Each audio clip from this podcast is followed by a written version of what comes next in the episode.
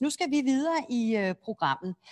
For det advisory table, som jo øh, har skabt det her white paper, som vi diskuterer ud fra i dag, det mødtes, som jeg fortalte tidligere, to gange i efteråret 2019. Og nogle af de mange pointer, der kom frem under møderne, er blevet samlet i en øh, række gode råd. Så lad os de næste 10 minutter kaste et blik på de opmærksomhedspunkter, kan vi kalde det for. Der vil jeg rigtig gerne byde velkommen til Rikke Håber, som er chef for strategisk sundhed og forebyggelse i PFA, og til Signe Tønnesen, der er chefkonsulent her hos lederne. Velkommen. Tak.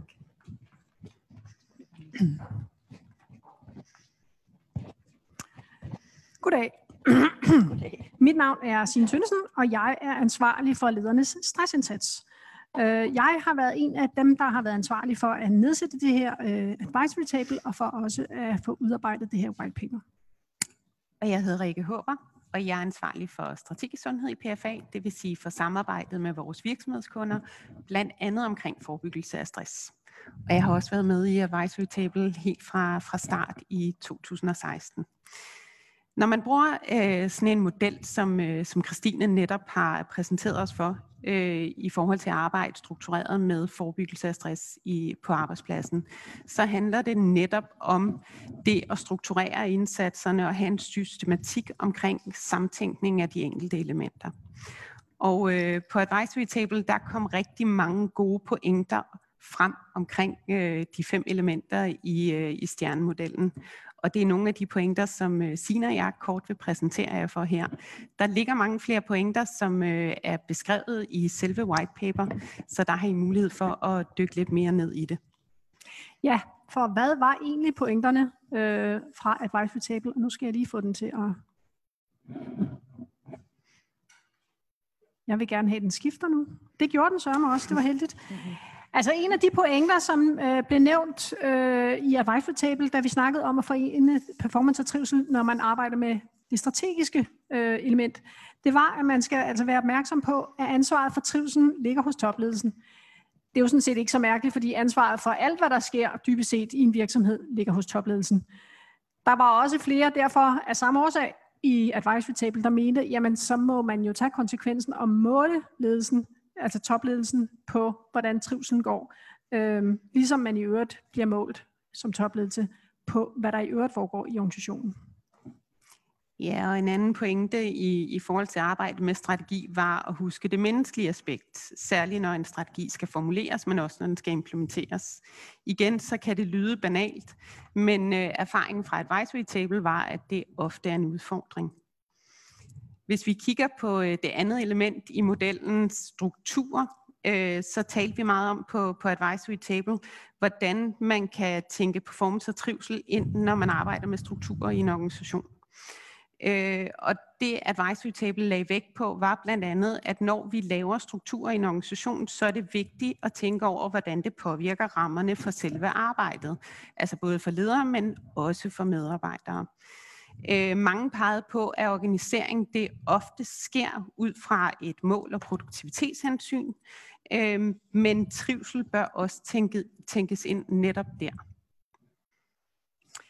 Ja, og en anden pointe, lige når det handler om at forene performance og trivsel i forhold til struktur, det er, at nedbrydning af siloer, det understøtter samarbejdet og relationer, både mellem medarbejderne, men faktisk også i ledergruppen.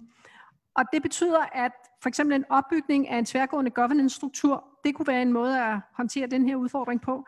En anden løsning kunne være at gå fra at have et mandat, altså det vil sige en beslutningsret, til at man kunne sige, jamen du har ikke mandatet, men du har opgaven. Det vil sige, du har ansvaret for at finde den bedste løsning, underforstået selvfølgelig sammen med inddragelse af de nødvendige kompetencer og de nødvendige øh, interessenter. Når det så handler om processer, så øh, havde Advisory Table rigtig mange gode pointer. Øh, en var, at når man introducerer nye processer, hvilket man jo typisk gør i, med jævne mellemrum, så er det helt centralt at overveje, hvilke fordele de her nye processer giver for hvem. Øh, både i forhold til at leve op til processerne, men også i forhold til det output, der skal være af processerne.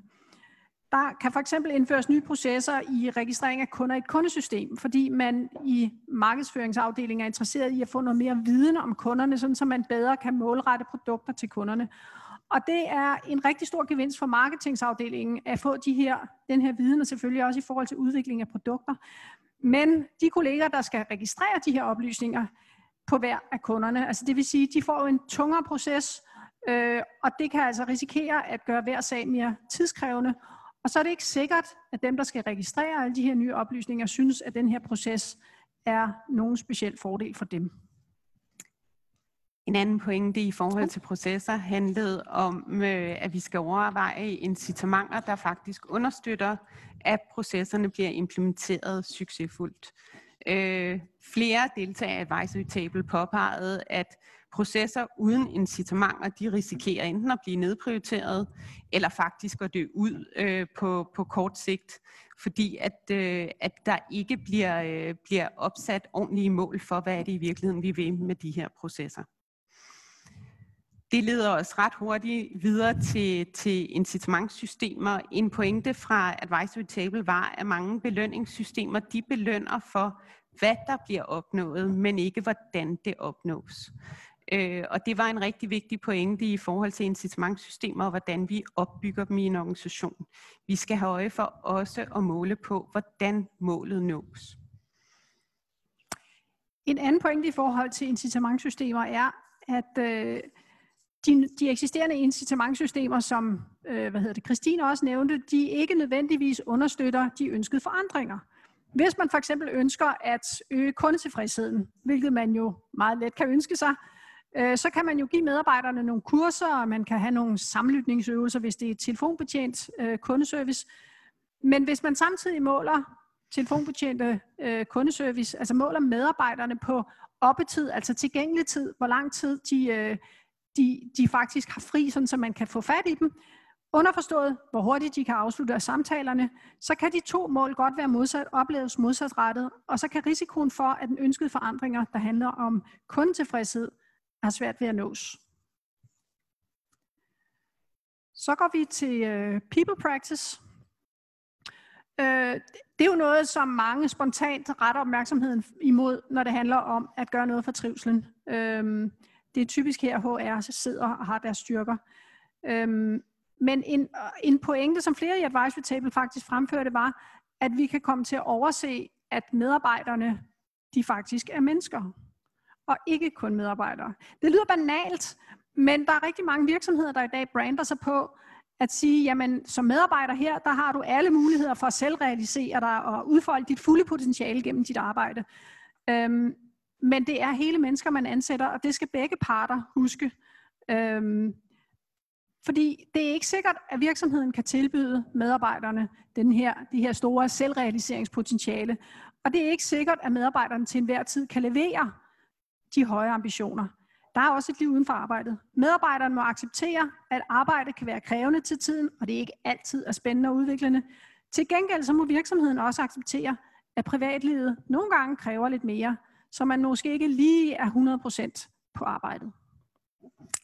En anden pointe i forhold til people practice var, at øh, man skal tydeliggøre muligheden for forskellige karriereveje i organisationerne. For eksempel både en ledelsesvej og en specialistvej. I mange organisationer der ses ledelsesvejen som den eneste karrierevej. Øh, flere af deltagerne de påpegede, at vi skal have fokus på diversitet, både i rekrutteringen og i karriereveje, for netop derigennem at skabe øget trivsel og bedre performance. Ja, og så er vi faktisk hele vejen rundt i julet. Øh, nu har vi været omkring nogle af de pointer, vi samlede op i vores advisory table, og resten kan I så finde i vores øh, white paper. Nu vil vi til at dykke ned i nogle af casene og få uddybet og eksemplificeret, hvordan virksomheder konkret har arbejdet med at øge performance og trivsel samtidig i praksis. Tak.